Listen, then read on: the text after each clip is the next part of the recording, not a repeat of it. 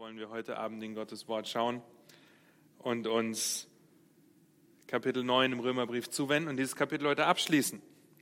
Und die letzten zwei Male haben wir damit begonnen, uns Römer 9 anzuschauen, beziehungsweise gleich diesen ganzen Abschnitt Freude an der Verteidigung des Evangeliums und haben gesehen, wie, wie Paulus anfängt, die Souveränität Gottes zur Schau zu stellen, groß zu machen.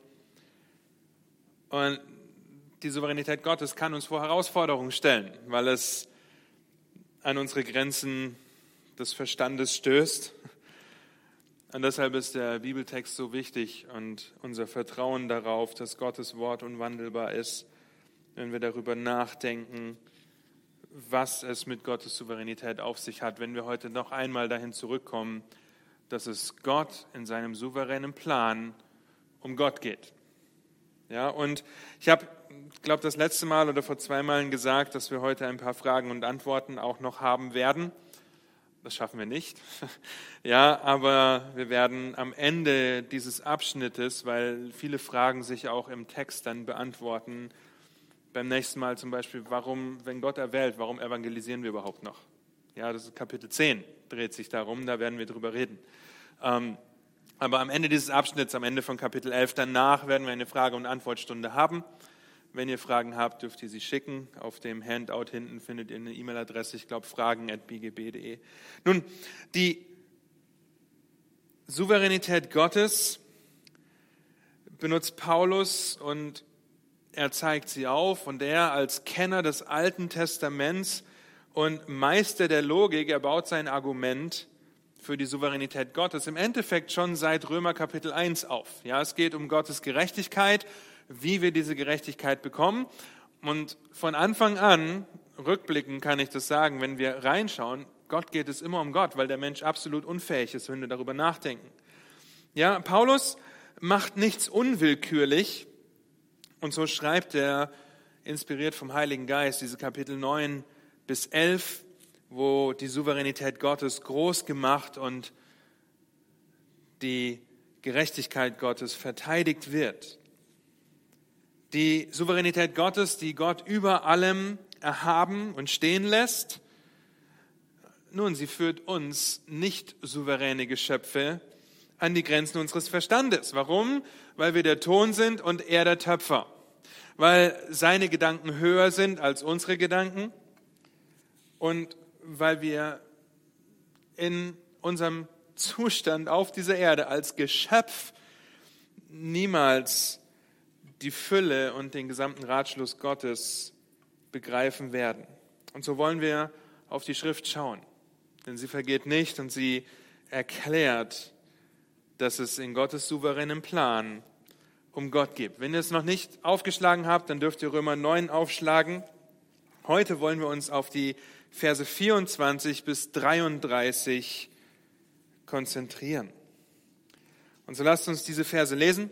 Römer 9, Vers 24 bis 33. Gottes Wort sagt, als solche hat er auch uns berufen, nicht allein aus den Juden, sondern auch aus den Heiden.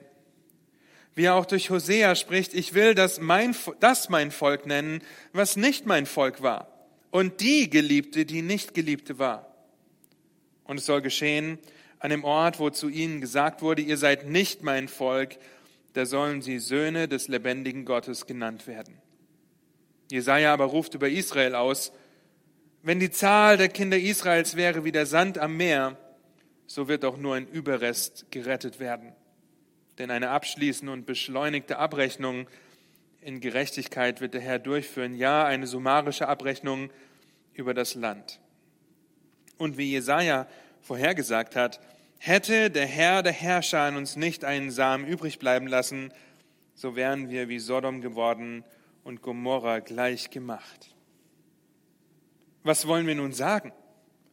Dass Heiden, die nicht nach Gerechtigkeit strebten, Gerechtigkeit erlangt haben, und zwar die Gerechtigkeit aus Glauben. Dass aber Israel, das nach dem Gesetz der Gerechtigkeit strebte, dass das Gesetz der Gerechtigkeit nicht erreicht hat. Warum? Weil es nicht aus Glauben geschah, sondern aus Werken des Gesetzes. Denn sie haben sich gestoßen an dem Stein des Anstoßes, wie geschrieben steht, siehe, ich lege in Zion einen Stein des Anstoßes und einen Fels des Ärgernisses, und jeder, der an ihn glaubt, wird nicht zu Schanden werden. Soweit Gottes Wort. Lasst mich noch beten und dann in die dritte Wahrheit einsteigen, dass es Gott in seinem souveränen Plan um Gott geht. Herr, und wenn wir das lesen, dann staunen wir darüber, wie du so gnädig und barmherzig sein kannst. Wenn wir das lesen und auch darüber nachdenken, was wir bis jetzt schon aus dem Römerbrief kennengelernt haben, dann können wir mit dem Psalmisten nur ausrufen, nicht uns, o oh Gott, nicht uns gib Ehre, sondern deinem Namen um deiner Treue und Gnade willen. Und so bete ich, dass dieser Abend dazu dient, dass du geehrt wirst um deiner Treue und deiner Gnade willen, Herr. Amen. Nun, bevor wir über diese dritte Wahrheit nachdenken, die uns ermutigt, wenn wir über die Souveränität Gottes nachdenken, sehen wir in Römer 1 das herzliche Verlangen von Paulus. Und wir sehen das dann auch nochmal in Römer Kapitel 10. Sein herzliches Verlangen, dass seine Brüder nach dem Fleisch, also die Juden, zur Erkenntnis der Wahrheit kommen. Dafür würde er sogar sein eigenes Leben geben. In diesem Zusammenhang zeigt er aber auch die nüchterne Realität auf, dass nicht alle Israeliten auch zu adoptierten Kindern Gottes werden. Anhand von Isaak und Jakob haben wir gesehen, dass Gott ohne Ansehen der Person erwählt und rettet. Und die Argumente der Empfänger des Briefes liegen auf der Hand. Gott ist unfair, Vers 14. Warum tadelt er dann noch? Vers 19. Nun, diese zwei Fragen beantwortet Paulus meisterhaft und vor allem anhand des Alten Testaments. Und er macht deutlich, dass es Gott um Gott geht. Und wir haben die ersten zwei ermutigenden Wahrheiten gesehen, nämlich dass Gottes souveränes Handeln deutlich macht, dass es Gott um Gott geht. In den Versen 14 bis 18, er erbarmt sich über den er will und er verstockt, wen er will. Und wir haben festgestellt, dass wir zu häufig darüber schockiert sind, dass Gott sich nur über einige erbarmt, anstatt darüber zu staunen, dass er sich überhaupt erbarmt. Er müsste das nicht tun. Und zweitens haben wir in den Versen 19 bis 24 gesehen, Gottes souveräne Geduld über das Böse, weil er der Töpfer ist wie der Ton, ermöglicht die Demonstration seiner Herrlichkeit an dem Guten. Seht ihr in Vers 22 und 23 ganz besonders. Vers 23 beginnt mit einem damit. Warum ist er langmütig und geduldig? Nun, er ist der Töpfer, wir sind der Ton. Er kann tun und lassen, was er will. Und wir erinnern uns an die zwei unterschiedlichen Verbformen im Text, der Daseinszustand, der Gefäße des Zorns. Und wir werden eine Frage beantworten, nämlich, wenn Gott souverän ist, dann hat er ja im Endeffekt auch vorherbestimmt, dass es Gefäße des Zorns gibt. Ja, und wir werden diese Frage beantworten in der Frage- und Antwortstunde, weil das sehr wichtig ist zu verstehen und in den ganzen Erwählungsprozess mit reinkommt. Und dann haben wir die punktuelle Handlung in der Vergangenheit gesehen mit Auswirkungen auf Gegenwart und Zukunft, indem er die Gefäße der Herrlichkeit bereitet hat. Ja, es geht Gott um Gott. Und mit der dritten Wahrheit befindet sich Paulus immer noch in dem Argument, warum sollte Gott warum tadelt Gott noch? Aus Vers 19 und 20. Und er untermauert seinen Fall. Okay, wie schon zuvor mit schlagkräftigen, unwiderruflichen Zitaten aus dem Alten Testament, die genau wie der Römerbrief von einem gemeinsamen Autor abstammt, nämlich dem Heiligen Geist. Und im letzten Abschnitt von Römer 9 können wir beim Nachdenken über Gottes Souveränität ermutigt sein, weil Gottes souveräne Rettung beweist, dass es Gott um Gott geht. Gottes souveräne Rettung beweist, dass es Gott um Gott geht. Paulus macht in Vers 24 noch einmal deutlich, dass Juden und Heiden Empfänger des Evangeliums sind. Ja, das hat er schon an vier Stellen vorher gemacht. Das heißt, sowohl Juden als auch Heiden werden durch Gottes Erbarmen und seine Erwählung zu Gefäßen der Barmherzigkeit. Paulus schließt sich hier mit ein. Warum? Damit Gott an ihnen den Reichtum seiner Herrlichkeit erzeige. Wenn es in Gottes souveräne Rettung um Gott geht, dann muss Paulus das jetzt vom Alten Testament her beweisen. Und so führt er zuerst den Propheten Hosea an. Nicht umsonst, denn wir wissen, dass Hosea Gomer, eine hurerische Frau, heiratete, dass er ihr teilweise sogar anonym nachging, um sie zu beschützen. Mit ihr hatte er zwei Söhne und eine Tochter. Und Hosea sollte seinen Kindern sehr außergewöhnliche Namen geben, als Warnung für das Volk Israel. Jesrael steht für Rache Gottes am Königtum Israels. Der Name der Tochter Lo Ruchama. Er heißt, Gott erbarmt sich nicht mehr über das Haus Israel, sondern wendet sich Juda zu, nicht ein Name, den ihr euren Töchtern gebt, wenn ihr welche bekommt, bitte. Gott hat kein Erbarmen mit anderen Worten. Und das dritte Kind, Lo Ami, nicht mein Volk. In Kapitel 2 im Hosea, Propheten Hosea, lesen wir das Zitat, das Paulus bringt. Das heißt, Gott wird Israel nicht nur nicht als seine Kinder ansehen, sondern wird sich den Heiden zuwenden, die nicht sein Volk waren, und zu seinem Volk machen. Was Paulus hier macht, er zitiert Hosea 2, Vers 1 und Hosea 2, Vers 26. Ja, und er befindet sich in der Argumentation, dass Gott ohne Ansehen der Person erwählt und auch Heiden zur Erkenntnis der Wahrheit kommen. Und er benutzt diese Verse aus dem Propheten Hosea vom Heiligen Geist inspiriert und wendet sie auf die Heiden an. In 2 Vers 1 wendet sich Gott Juda zu, wenn ihr das im Hosea nachlest. Nun, im Endeffekt, wenn wir in das Alte Testament schauen, wir werden uns in zwei Wochen noch damit intensiver beschäftigen, sollte es niemanden überraschen, dass die Juden ungläubig das Evangelium verleugnen und ablehnen. Ja, es ist bis heute so, dass sie den Messias, den Retter, ablehnen. Und Paulus bestätigt das, dass das seit der Zeit von Hosea so ist. Ihr dürft euch die Begebenheit in Hosea 1, 2, 3 durchlesen und darüber staunen, wie es auch dort im Propheten um Gott geht. Gott geht es um Gott. Nun, aber allein Hosea zu zitieren, wäre ein sehr düsterer Ausblick für das Volk Israel. Ja, ihr seid nicht mehr mein Volk, ich wende mich jemand anderem zu. Es wäre zum einen ein düsterer Ausblick für das Volk Israel und zum anderen wäre es eine Verleugnung dessen, was Gott versprochen hat. Und so wendet er sich Jesaja zu und spricht von der Wiederherstellung, spricht davon, dass ein Überrest Israels gerettet wird, dass jetzt zwar gläubige Juden und Heiden Israel nicht ersetzt haben, aber Israel wie im Fußballspiel auf der Bank sitzt, weil sie eine rote Karte für ihr Fehlverhalten auf dem Spielfeld bekommen haben.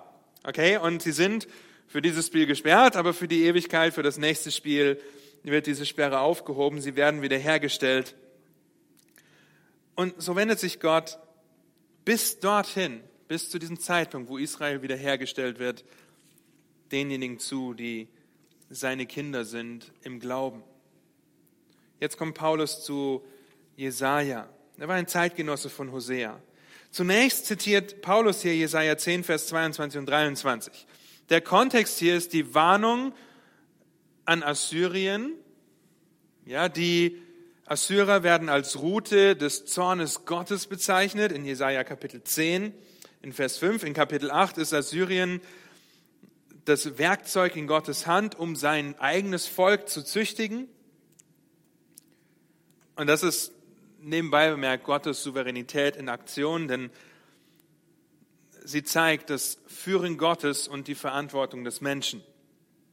Denn Gott führt niemals gegen den Willen einer Person. Okay, wird er niemals tun. Und so kann er Assyrien als Route benutzen, um Israel zu züchtigen und gleichzeitig Assyrien für seine gottlosen Taten züchtigen. Und hier noch einmal am Rande bemerkt, Assyrien hat sich garantiert nicht genötigt gefühlt, Israel anzugreifen. Es war ihre freie Entscheidung, aber in Gottes souveränen Plan kommt das zusammen und so wird Assyrien für seine gottlosen Taten zur Verantwortung gezogen. Und in diesem Kontext wird ein Überrest Israels gerettet.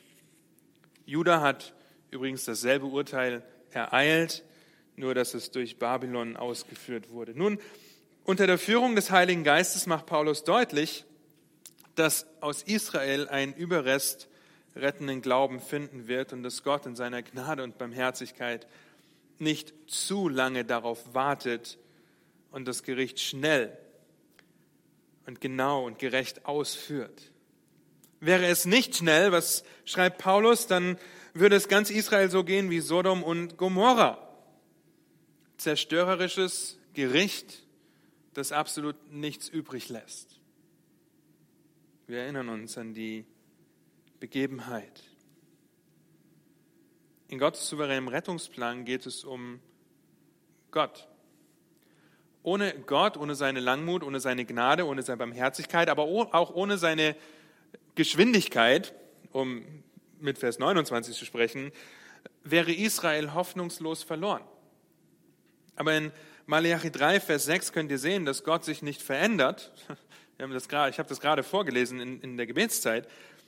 Und Jakob deshalb gerettet wird. Ja, nicht, weil Israel so toll ist, sondern weil es um Gott geht. Und ohne Gottes Erbarmen wäre nicht nur Israel hoffnungslos verloren, sondern jeder, auch wir, die wir hier sitzen, die wir nicht zum Volk Israel gehören. Es geht um die Ehre Gottes. Und das sehen wir von Anfang an in der Schrift, dass es Gott um Gott geht. Er schafft diese Erde aus dem Nichts zu seiner Ehre. Er setzt Bäume, Blumen, Vögel, Gewürm, Tiere, Fische und so weiter in den Garten zu seiner Ehre, weil sie seine Größe verkündigen. Lest euch Psalm 19 durch. Und dann erschafft er die Krone der Schöpfung, er erschafft den Menschen zu seiner Ehre.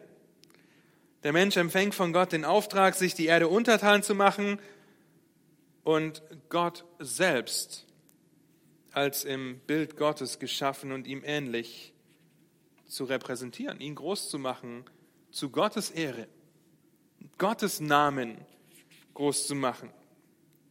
Nun, wir lernen sehr schnell, wenn wir auf den Seiten der Schrift weiterblättern, dass es dem Menschen nicht mehr um die Ehre Gottes geht. Vielmehr denkt der Mensch seither nur an seine eigene Anstrengung, irgendwie gut dazustehen, vielleicht sogar zu Gott zu kommen. 1. Mose 4 demonstriert das. Das Opfer Keins wurde von Gott nicht angenommen. Nun, wie hat Kain darauf reagiert?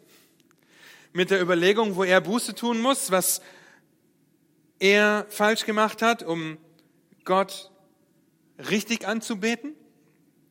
Stellt er sich die Frage? Nein. Er wird wütend, weil sein eigenwilliges Opfer nicht angenommen wird und er schlägt seinem Bruder, dessen Opfer angenommen wird. Es geht kein um seine eigene Ehre. Im Endeffekt sagt er damit, Gott muss es gut genug sein, das Opfer nach meinen eigenen Maßstäben anzunehmen. Das ist 1. Mose Kapitel 4. In Kapitel 11 nach der Sinnflut lesen wir, dass es dem Menschen nur darum geht, sich selbst die Ehre zu geben und Gottes Befehl, die Erde zu bevölkern, zu widerstehen. 1. Mose 4, Vers 11, da heißt es, und sie sprachen, wohl an, lasst uns eine Stadt bauen und einen Turm, dessen Spitze bis an den Himmel reicht, dass wir uns einen Namen machen, damit wir ja nicht über die ganze Erde zerstreut werden. Und kurz vorher hat Gott gesagt, wir sollen die ganze Erde wieder bevölkern. Ihr Lieben, die Tragik des Unglaubens lässt nicht lange auf sich warten, nachdem sie in 1. Mose 3 ihre Wurzeln geschlagen hat. Und Steve Lawson, ein Prediger und Lehrer, sagt über Unglauben unter anderem, Unglaube ist Stolz und Arroganz auf Steroiden. Unglaube lehnt die Diagnose Gottes über den Menschen ab. Unglaube lehnt die Lösung Gottes für den Menschen ab. Unglaube führt dazu, dass man über Christus stolpert. Unglaube empfindet das freie Geschenk Gottes als Beleidigung. Unglaube führt am Ende zum ewigen Tod. Unglaube erhebt sich über Gott. Unglaube erhöht sich selbst. Das ist die Tragödie, zu der Paulus jetzt kommt. Was sollen wir nun hierzu sagen? So fährt Paulus fort in Vers 30. Was sollen wir nun hierzu sagen? Jetzt erklärt er die souveräne, Gott, souveräne Rettung Gottes und kommt zum Ende dieses Kapitels. Aber bevor er den Unglauben Israels anspricht, müssen wir festhalten, jeder Mensch braucht Gott. Jeder braucht das Evangelium Gottes. Jeder Mensch ist völlig verdorben und völlig unfähig, seinen Schöpfer zu repräsentieren, es sei denn, Gott stellt diese Beziehung und das Bild wieder her. Ihr könnt das in Römer 1 bis 8 nachlesen. Das Erstaunliche, mit dem Vers 30 beginnt, ist, dass die Heiden, die nicht einmal ansatzweise nach Gott gesucht hätten und sich in alle möglichen falschen Religionen verschloren haben, dass diese Heiden Gerechtigkeit erlangt haben.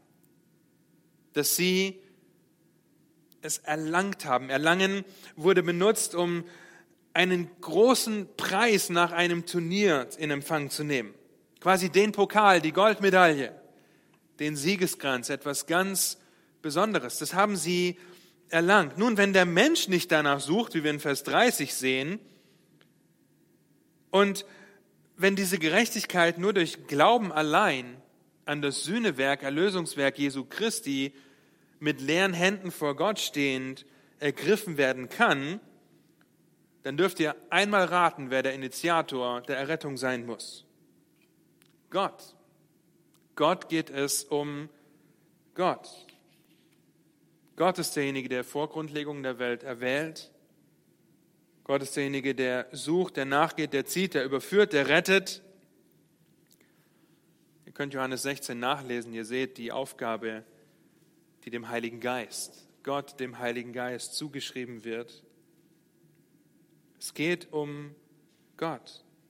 Denn nur durch Glauben allein durch Christus allein, durch die Schrift allein, durch Gnade allein, zur Ehre Gottes allein kann ein Mensch eine lebendige väterliche Beziehung zu Gott haben. Römer 8. Das ist nicht nur der rote Faden der Schrift, das ist der rote Faden auch im Römerbrief. Römer 1, Vers 16 und 17. Denn ich schäme mich des Evangeliums von Christus nicht, denn es ist Gottes Kraft zur Errettung für jeden, der glaubt, zuerst für den Juden, dann auch für den Griechen denn es wird darin geoffenbart, die Gerechtigkeit Gottes aus Glauben zum Glauben, wie geschrieben steht, der Gerechte wird aus Glauben leben. Oder Römer 3, Vers 21 bis 24. Jetzt aber, und vorher spricht er über die totale Verdorbenheit des Menschen, jetzt aber ist außerhalb des Gesetzes die Gerechtigkeit Gottes offenbar gemacht worden, die von dem Gesetz und dem Propheten bezeugt wird, nämlich die Gerechtigkeit Gottes durch den Glauben an Jesus Christus, der zu allen und auf alle kommt, die glauben. Denn es ist kein Unterschied, denn alle haben gesündigt und verfehlen die Herrlichkeit, die sie vor Gott haben sollten, sodass sie ohne Verdienst gerechtfertigt werden durch seine Gnade aufgrund der Erlösung, die in Christus Jesus ist. Jeder Mensch braucht Gott. Und ohne Gottes Eingreifen findet kein Mensch Gott. Das heißt, jeder Mensch, der sich heute zu Jesus Christus bekennt und ihn seinen Herrn und Retter nennt, hat niemals danach gesucht. Das heißt, du und ich und ihr, die ihr zuschaut, wir sitzen hier, weil Gott sich über uns erbarmt und uns erlöst hat. Es geht um Gott. Es geht um Gott und es geht um seine Ehre. Und ab Vers 30 kommen wir zu der absoluten Tragödie. Denn jetzt sehen wir, dass Israel im Gegensatz zu den Heiden alles hatte, was auf Gott hingewiesen hat. Sie hatten das Gesetz, die ersten fünf Bücher Mose. Sie hatten die Bündnisse. Sie hatten die Propheten. Sie hatten alle Verheißungen. Aber sie lehnen die Gerechtigkeit ab. Ja, sie haben alles versucht, um es Gott zu beweisen. Paulus ist das beste Beispiel dafür und Kapitel 10 führt das weiter aus, dass sie ein Eifer für Gott haben. Aber das, was sie von Gott hatten, bekommen haben, reichte ihnen nicht und so erfanden sie weit über 700 weitere Gebote, die ihnen dabei helfen sollten, diese Gerechtigkeit zu erlangen, zu ergreifen. Die Gerechtigkeit, nach der sie strebten. Nun, was ergriffen sie? Wir sehen das im Text. Sie ergriffen das Gesetz, um Gerechtigkeit zu ergreifen, wenn diese Gerechtigkeit doch nur im Glauben zu ihnen kommen kann. Und die Juden suchen bis heute nach dieser Gerechtigkeit. Sie streben danach, können es aber nicht erreichen, weil sie im Gesetz danach suchen. Sie halten es ein, halten darüber hinaus etwas ein, zumindest nach außen, und meinen, durch das Gesetz Gerechtigkeit zu erlangen. Sie strebten danach, sie strecken sich aus. Das ist das Wort dafür. Sie strecken sich auf, sie laufen, sie rennen, sie reiben sich auf dafür. Aber, ihr Lieben, das beste Rennen ist vergebens, wenn man in die falsche Richtung rennt. Das beste Rennen ist vergebens, wenn man in die falsche Richtung rennt. Wenn das Gesetz das Abbild der perfekten Heiligkeit Gottes ist, dann hatte Israel die falsche Einbildung, dass sie es halten könnten. Und wir lesen, dass wer sich in einem Gebot verfehlt, das ganze Gesetz gebrochen hat. Nun, was haben wir schon in Römer 3 gelernt? Wozu ist das Gesetz da? Durch das Gesetz kommt die Erkenntnis der Sünde. Durch das Gesetz erkennen wir, dass wir Gottes Maßstab niemals einhalten können. Nun, ein Autor sagt dazu, Zitat, das ist das Wirkungsprinzip der Religion, also wie Religion aufgebaut ist. Wenn du ein gutes Leben führst, dann müssen die Götter oder Gott dich segnen und dir Wohlstand geben. So lebten die Juden. Das sehen wir im Text. Sie strebten danach, Gerechtigkeit durch das Gesetz zu bekommen. Sie sagten, ich muss es Gott beweisen, damit Gott mich annehmen kann anstatt zu sehen, dass Gott seine Liebe in Christus bewiesen hat und ich nur darauf reagiere. Die sagen, ich halte das Gesetz, also ist Gott mir wohlgesonnen, anstatt zu sehen, dass Gott ihnen Christus wohlgesonnen ist und sie deshalb das Gesetz halten wollen. Oder sie sagen, ich empfinde es als Beleidigung, nur durch Glauben an Christus Gerechtigkeit zu bekommen, anstatt zu begreifen, dass diese hochmütige Aussage die Beleidigung des lebendigen Gottes ist. Und ihr Lieben, so funktioniert der natürliche, der gefallene Verstand. Er versucht, er strebt danach, zu Gott zu kommen. Er macht sein religiös erfolgreiches Wissen und seinen nach außen hin religiös erfolgreichen Wandel zu seinem Götzen. Findest du dich darin wieder? Denn es ist gut möglich, in die Gemeinde zu kommen, um aus Gottes Wort zu hören, aber sonst nicht täglich in Gottes Wort zu lesen. Es ist gut möglich, über, aber nicht mit Jesus zu reden. Es ist gut möglich, eine gute Beziehung zu deinen Pastoren oder zu Geschwistern in der Gemeinde zu haben, aber keine gute Beziehung zu Christus zu haben. Lest euch den Galaterbrief durch und seht, dass wir unser Fleisch nach wie vor füttern können. Es ist gut möglich, Christus mit deinen Lippen zu bekennen, aber dein Herz an etwas anderes zu hängen. Ich weiß nicht, ich kann nicht in eure Herzen schauen. Ich weiß nicht, ob du, ich wende mich an die Kameras, ich weiß nicht, ob du ein religiös verlorener Freund bist oder ein Kind Gottes, das nach religiösem Erfolg strebt, nach außen hin, um irgendetwas zu erreichen. Das heißt, wenn, wenn du denkst oder wenn ich denke, ich muss oder du musst deiner Errettung oder deinem errettet bleiben irgendetwas hinzufügen als Christus allein, dann machst du religiösen Erfolg zu deinem Götzen. Und ihr Lieben, es ist so einfach, einen vollen Kopf zu haben, aber ein leeres Herz. Ja, das ist einfach, viel zu wissen, aber es nicht zu begreifen. Ihr könnt euch Gideons Zeugnis dazu anhören. Er hat das so gut auf den Punkt gebracht. Alles war in meinem Kopf, aber die 30 Zentimeter haben gefehlt, bis Gott Gnade geschenkt hat. Nun ist es so, so einfach, einen vollen Kopf und ein leeres Herz zu haben, vor allem wenn wir mit Messer und Gabel hier in die Gemeinde kommen. Okay, weil wir geistliches Fleisch serviert bekommen. Und hier die Frage an dich. Spornt dich die Waffenrüstung Gottes an, in Gerechtigkeit zu wandeln, weil du das nur in der Kraft seiner Stärke kannst? Oder spornt sie dich an, in Gerechtigkeit zu wandeln, weil du das in der Kraft deiner Stärke versuchst, um Gerechtigkeit zu erwirken, um es Gott zu beweisen?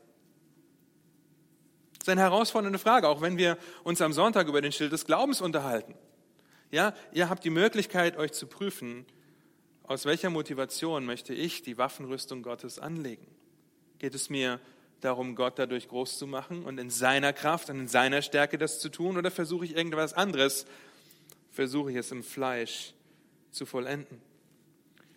Und es ist herausfordernd, und hier genauso für die Israeliten, es ist herausfordernd, einen religiös gesetzlichen guten Menschen auf seinen geistlichen Bankrott hinzuweisen und auf Christus zu zeigen. Das ist fast unmöglich. Denn sie sehen nie ein Bedürfnis, gerettet zu werden oder die Errettung täglich zu brauchen. Denn das Evangelium, für wen ist das Evangelium? Für Sünder. Okay, aber ich versuche, gerecht dazustehen. Nun, genauso ist es herausfordernd, die Probleme eines Bruders oder einer Schwester mit Hilfestellung oder Konfrontation anzugehen, wenn er oder sie das Evangelium zur Rettung zwar verstanden haben, aber jetzt aus eigener Kraft selbst versuchen, gerettet zu bleiben, es im Fleisch zu vollenden, gesetzlich hochmütig zu sein, was im Endeffekt dann dazu führt, dass man von sich denkt, ich sei geistlicher als meine Geschwister. Von dem oder von ihr, von ihr muss ich mir nicht sagen lassen, sie ist erst zwei Jahre gläubig. Ich bin schon fünf Jahre gläubig. Oder ich war schon gläubig, da warst du noch gar nicht geboren. Du hast mir nichts zu sagen. Was für ein geistlicher Hochmut, denn Gott benutzt jedes Glied im Leib seiner Gemeinde, damit wir einander die Lasten tragen, damit wir einander auf ihn hinweisen, sie uns anspornen zu Liebe und zu guten Werken. Nun, wenn du so denkst, dann tust du es Israel gleich und zeigst dadurch eigentlich, dass es jetzt um dich geht und nicht mehr um Gott. Denn dann ist es deine eigene Moral, deine eigene Selbstgerechtigkeit, die dich entweder, wo du dich entweder versuchst, dich zu retten und das wird dich von der wahren, der einzig wahren Gerechtigkeit abhalten. Genauso können wir unseren Götzen nachlaufen. Dem Fleisch, uns als Werkzeuge der Ungerechtigkeit hingeben, wie wir in Römer 6 schon gelesen haben. Nun, es braucht Gott und sein Wort, es braucht Gott, der die Scheuklappen der Selbstgerechtigkeit wegnimmt, der mit der Trompete seiner Wahrheit in unsere Ohren bläst, damit wir erkennen, damit ein Ungläubiger erkennt, dass seine Selbstgerechtigkeit und Gesetzlichkeit dich niemals in den richtigen Stand vor Gott bringen oder dich im richtigen Stand vor Gott halten. Dürfen auffordern zur Buße von unserem Unglauben. In Vers 32 finden wir die Erklärung. Warum ist das so, dass Heiden, die nicht versuchen und finden, und Israel, die nicht suchen müssten, nichts finden? Warum ist das so? Weil Gerechtigkeit aus Glauben und nicht aus Werken kommt. Wir können nur mit leeren Händen vor unseren Schöpfer treten und sagen, Christus hat alles für mich am Kreuz bezahlt. Er ist mein Sühnopfer, er ist meine Erlösung, er ist mein Fürsprecher. Wenn wir erkennen, dass wir geistlich bankrott, bankrott sind, nichts zu bringen haben und an Christus glauben, dann wird uns Gerechtigkeit in Christus zugesprochen und angerechnet. Könnt ihr in Römer 4 nachlesen. Aber der religiöse Jude empfand das als eine absolute Beleidigung. Durch Glauben ohne Werke, das kann nicht sein. So könnte es in seinem Kopf vorgegangen sein. Es kann nicht sein, dass ich nichts bringen kann, wenn ich doch alle Gesetze nach außen hin halte. Es kann nicht sein. Ich habe Abraham, ich habe Mose, ich habe die Propheten. Nun, sie haben versucht, und vielleicht versuchst du das heute, Gerechtigkeit auf alle erdenklichen Arten und Weisen zu finden, außer auf Gottes Art und Weise, die uns hier in dem Text und im Alten Testament gezeigt wird. Sie sind in ihren Augen zu gut, ein Geschenk zu bekommen, das für sie umsonst ist, aber Gott alles gekostet hat. Und sie versuchen, sich Gerechtigkeit zu verdienen, um Gottes Wohlwollen zu erlangen. Und das sind zwei absolut grundlegende Ursachen, diese Herangehensweise, die Paulus im Römerbrief schon angesprochen hat. Der Israelit, der meint, zu den Religiösen zu gehören, du, wenn du denkst, du bist religiös, die meinen, durch gute Werke des Gesetzes gerettet zu werden.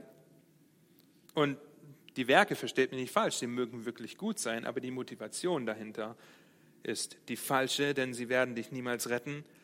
Wenn das dein Ansporn ist, aus Werken des Gesetzes gerettet zu werden, dann weißt du erstens nicht, wie heilig Gott ist. Absolut heilig.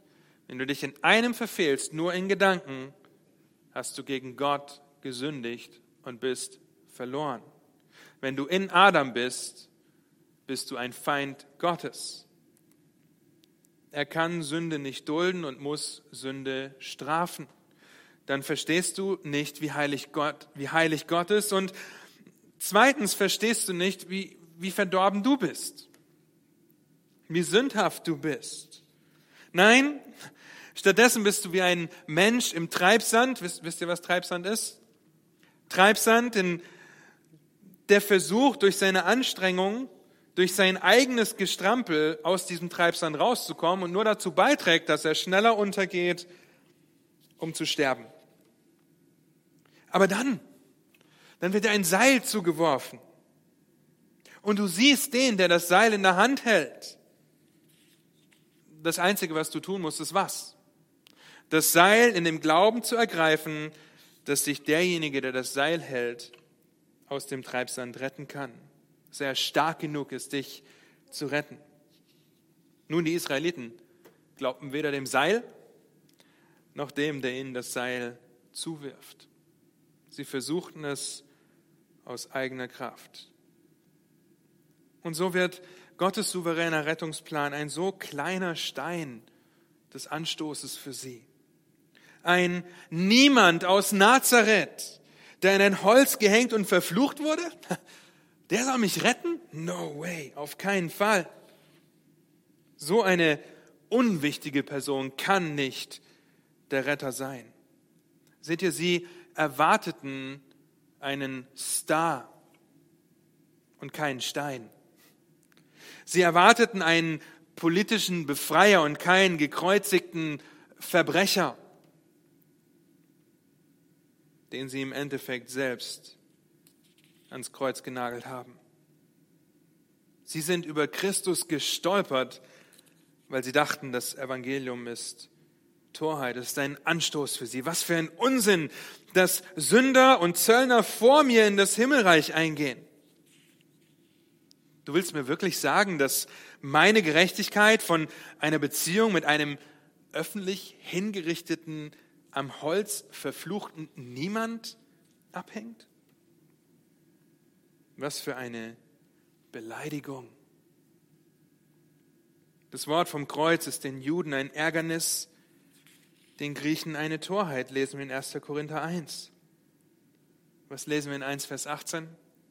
Uns aber ist es eine Gotteskraft In seiner Errettung geht es Gott um Gott.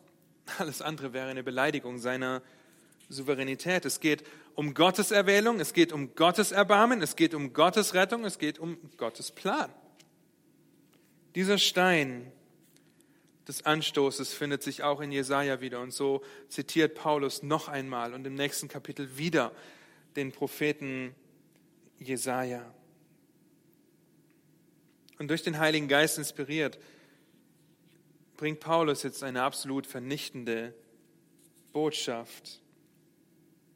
Eine Vernichtung jeder Aussage, durch Werke gerettet werden zu können.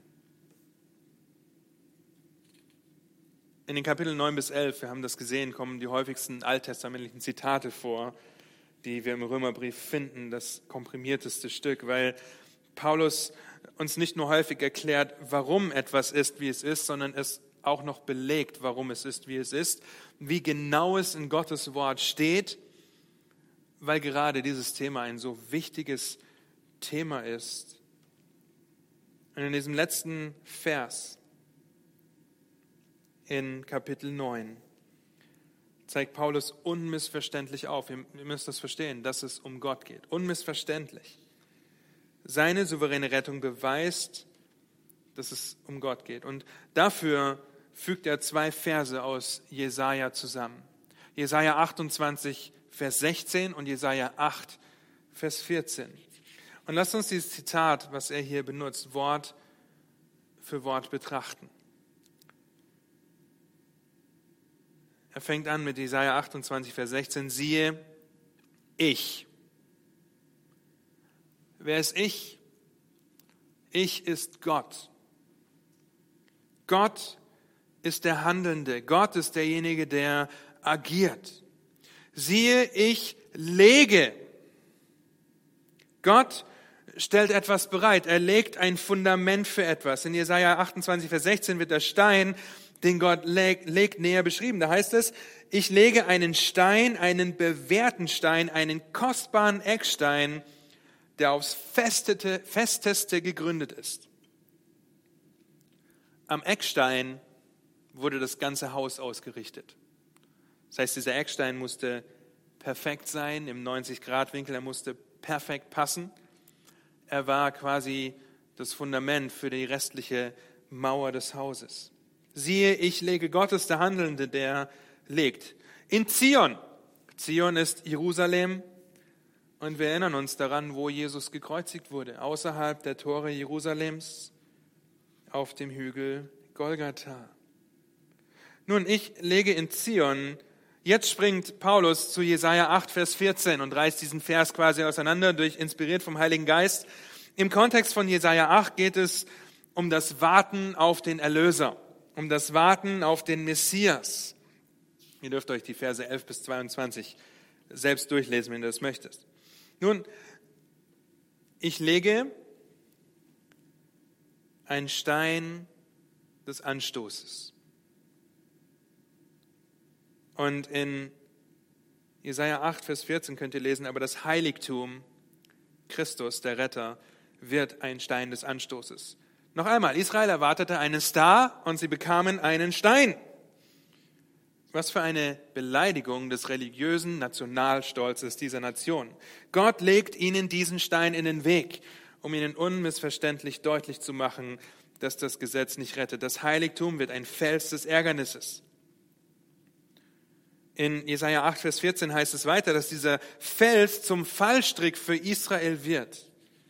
Ihr Lieben, die religiöse Elite hasst Gottes Vorstellung von Errettung.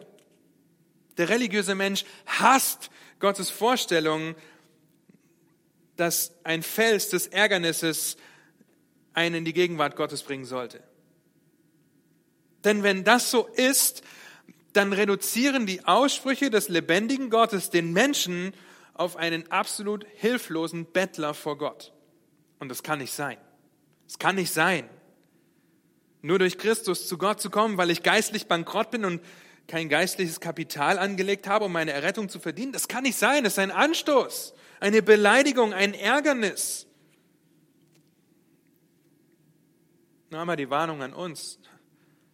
Lasst uns aufpassen, unser Wissen nicht mit unserer Rettung zu verwechseln. Lass uns aufpassen, nicht zu sagen, das kann nicht sein. Nun, jetzt springt Paulus zurück zu Jesaja 28, Vers 16. Und jeder, der an ihn glaubt, wird nicht zuschanden werden. In Kapitel 10, Vers 11 wiederholt er diesen Teil. Was ist Glauben? Glauben ist dein Leben, mein Leben dem Objekt deines Vertrauens zu übergeben. Aber es gibt nur ein Objekt des Glaubens, das rettet. Aber wir können so schnell den falschen Objekten vertrauen. Finanzielle Sicherheit, ein Haus, eine Familie, ein, eine gute Arbeit, wie auch immer. Aber nur ein Objekt kann retten. Und dieses Objekt ist Christus. An ihn. Und jeder, der an ihn glaubt. Das heißt, wenn das Volk Israel durch das Gesetz gerettet werden könnte, wäre es kein Anstoß, dann würde das hier nicht stehen. Aber sie können nur durch eine Person gerettet werden, die Person, die sich erniedrigt und um Kreuz für uns zu sterben. Nicht das Gesetz, nicht die Selbstgerechtigkeit, eine Person. Sola fide, solus Christus. Allein durch Glauben oder allein der Glaube, allein Christus. Und dann schließt er ab, wer an ihn glaubt, wird nicht zu Schanden werden. Das heißt, durch Glauben an Jesus Christus, an seinen Opfertod am Kreuz, an seinen stellvertretenden Tod für dich, für mich, werden wir in den Augen Gottes niemals zu Schanden werden weil Christus für dich zur Schande wurde. Weil Christus derjenige ist, den Gott in Jerusalem gelegt hat und der am Kreuz für uns gestorben ist. Gott hat ihn uns vor Augen gestellt. Und das erinnert uns an Römer 8, Vers 1. Es gibt keine Verdammnis mehr für die, welche in Christus Jesus sind. Durch den Glauben werden wir nicht zu Schanden werden. In Apostelgeschichte 4 Vers 11 und 12 heißt es, und Daniel hat diesen Vers letzte Woche in der Kirchengeschichte zitiert. Und ich ermutige euch, diesen Vortrag anzuhören, weil es so gut zusammenpasst, auch mit dem, was wir heute betrachten. Da heißt in Apostelgeschichte 4, Vers 11 und 12, das ist der Stein, der von euch, den Bauleuten, verworfen wurde, der zum Eckstein geworden ist. Und es ist in keinem anderen das Heil, das ist kein anderer Name unter dem Himmel, den Menschen gegeben, in dem wir gerettet werden sollen. Und das ist der Name Jesus Christus. Israel lehnt den Messias, lehnt Christus als Retter ab. Aber ein Überrest wird errettet werden, weil Gottes Gericht schnell kommt. Bis dahin sind die Heiden besonders die Nutznießer des Evangeliums Gottes. Nun, was glaubst du? Wo findest du dich in diesem Abschnitt wieder? Unglaube ist Stolz und Arroganz. Wie schnell wirst du stolz und aufgeblasen? Glaube ist Demut und Hingabe. Unglaube lehnt die Diagnose Gottes über den Menschen ab. Glaube erkennt an, dass der Mensch absolut verdorben ist. Und ihr Lieben, dass wir in unserem Stand vor Gott gerecht sind, aber nach wie vor sündigen können. Unglaube lehnt die Lösung Gottes für den Menschen ab. Glaube nimmt die Errettung durch Christus, durch Glaube in Christus und an Christus an. Unglaube führt dazu, dass man über Christus den Stein stolpert. Glaube führt dazu, dass man sich nur in Christus, dem Fels, birgt. Unglaube empfindet das freie Geschenk Gottes als Beleidigung. Glaube kann die Barmherzigkeit und den hohen Preis, den es Gott gekostet hat, nicht fassen und lobt Gott dafür. Unglaube führt am Ende zum ewigen Tod. Glaube führt zum ewigen Leben. Unglaube erhebt und erhöht sich über Gott. Glaube demütigt sich unter die mächtige Hand Gottes. Lieben, was können wir lernen, wenn es in Gottes souveränen Plan um Gott geht? Gerade wenn wir diese Verse betrachtet haben. Vier Dinge. Erstens, die, von denen wir denken, dass sie niemals errettet werden können, weil sie so schlecht sind, in unseren Augen, sind auf die, die errettet werden. Was für eine Hoffnung, oder? Und eine Ermutigung, das Evangelium zu verkündigen. Das heißt, solange die Gnade Gottes gegenwärtig ist, gibt es Hoffnung. Das heißt auch, dass die Lehre der Erwählung unsere einzige Hoffnung ist, weil kein Mensch aus eigener Kraft jemals auf die Idee kommen würde, nach Gott zu fragen. Zweitens aber auch die Warnung. Denn die, von denen wir manchmal meinen, dass sie gerettet sind, sind häufig die, die nicht gerettet sind. Sie sind religiös, vielleicht haben sie eine Bibel, vielleicht kennen sie die Bibel, vielleicht gehen sie in eine Gemeinde, vielleicht gehen sie in unsere Gemeinde. Aber wir setzen häufig zu viel voraus. Das heißt, in der Gemeinde wollen wir das Evangelium verkündigen. Bis in die letzte Ecke, bis ins letzte Ohr und hoffentlich überführt Gott. Drittens sind wir nicht davon ausgenommen, uns wie die Israeliten zu verhalten. Denn wenn wir den geistlichen Kampf nicht kämpfen, dann kämpfen wir den geistlichen Kampf auf der falschen Seite. Irgendein Autor hat es einmal gesagt, der geistliche Kampf, das geistliche Wachstum ist wie in einem Fluss gegen den Strom zu paddeln im Boot. Was passiert, wenn du aufhörst zu paddeln? Du bleibst nicht einfach stehen. Du schwimmst zurück mit dem Strom. Nun, wir sind frei von der ewigen Konsequenz der Sünde. Wir sind frei, uns als Werkzeuge dem lebendigen Gott hinzugeben, in der Macht seiner Stärke die Waffenrüstung Gottes anzulegen. Aber nach wie vor sind wir auch im Fleisch, wie Paulus das in Römer 7 sagt, und wir werden kämpfen. Und viertens, keiner wird jemals gerettet, bevor Gott ihn nicht seiner Sünde überführt und ihn zum Kreuz ruft. Das heißt, wir sind abhängig von Gott. Es braucht Gottes Erbarmen und seine Gnade, um Sünder zu überführen um sie zu rufen, sie wiederherzustellen, sie zu verherrlichen. Das kann nur Gott, das braucht Gott, um nach der Schöpfung und dem Sündenfall die Erlösung und Wiederherstellung in Christus zu ermöglichen. Und ich weiß nicht, wo du stehst. Von euch, die hier sitzt, ich gehe davon aus, auch die meisten, die das wahrscheinlich hören und sehen, ich, ich gehe davon aus, dass die meisten das Evangelium wirklich verstanden haben und mit leeren Händen auf Christus blicken, der alles am Kreuz für sie bezahlt hat. Aber es gibt immer die Möglichkeit. Es gibt immer die Möglichkeit, dass jemand, der das hier hört oder sieht, meint, gerettet zu sein. Und durch diese Verse hoffentlich überführt wird, weil diese Verse deinen Stolz und deine Selbstgerechtigkeit brechen. Denn alles, was du bringen kannst, um Gerechtigkeit zu bekommen, ist deine Bedürftigkeit und Unzulänglichkeit. Das heißt, vertraue auf den Herrn und nicht irgendeine Errungenschaft. Und du wirst nicht zuschanden werden. Du darfst dich gerne an einen deiner Hirten wenden oder einer Person deines Vertrauens, wenn du Fragen zur oder Zweifel an deiner Errettung hast.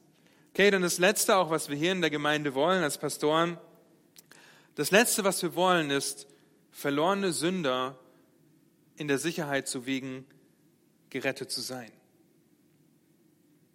Ihr Lieben, Gott geht es um Gott. Gott geht es um Gott, deshalb gebührt Gott allein dafür die Ehre, jetzt und in Ewigkeit. Und nächstes Mal werden wir Römer 10 anschauen und Gottes souveränen Erlösungsplan, Errettungsplan anschauen und feststellen, dass die fünf Soli der Reformation so greifbar in Gottes Wort wiederzufinden sind. Lasst mich noch beten. Herr, es geht um dich und deine Ehre und wir sehen, dass du deinen Sohn gesandt hast, um am Kreuz für uns zu sterben. Und wenn wir unser Leben betrachten vor deinem Eingreifen in unser Leben, dann sehen wir, wie wir uns wie Toren verhalten haben, die einen Anstoß an deinem Kreuz genommen haben. Hab du Dank für deine Errettung. Hab du Dank, dass wir das beste Beispiel dafür sind, dass ich das beste Beispiel dafür bin, dass es in deiner Errettung um dich geht und nicht um das, was ich erreiche.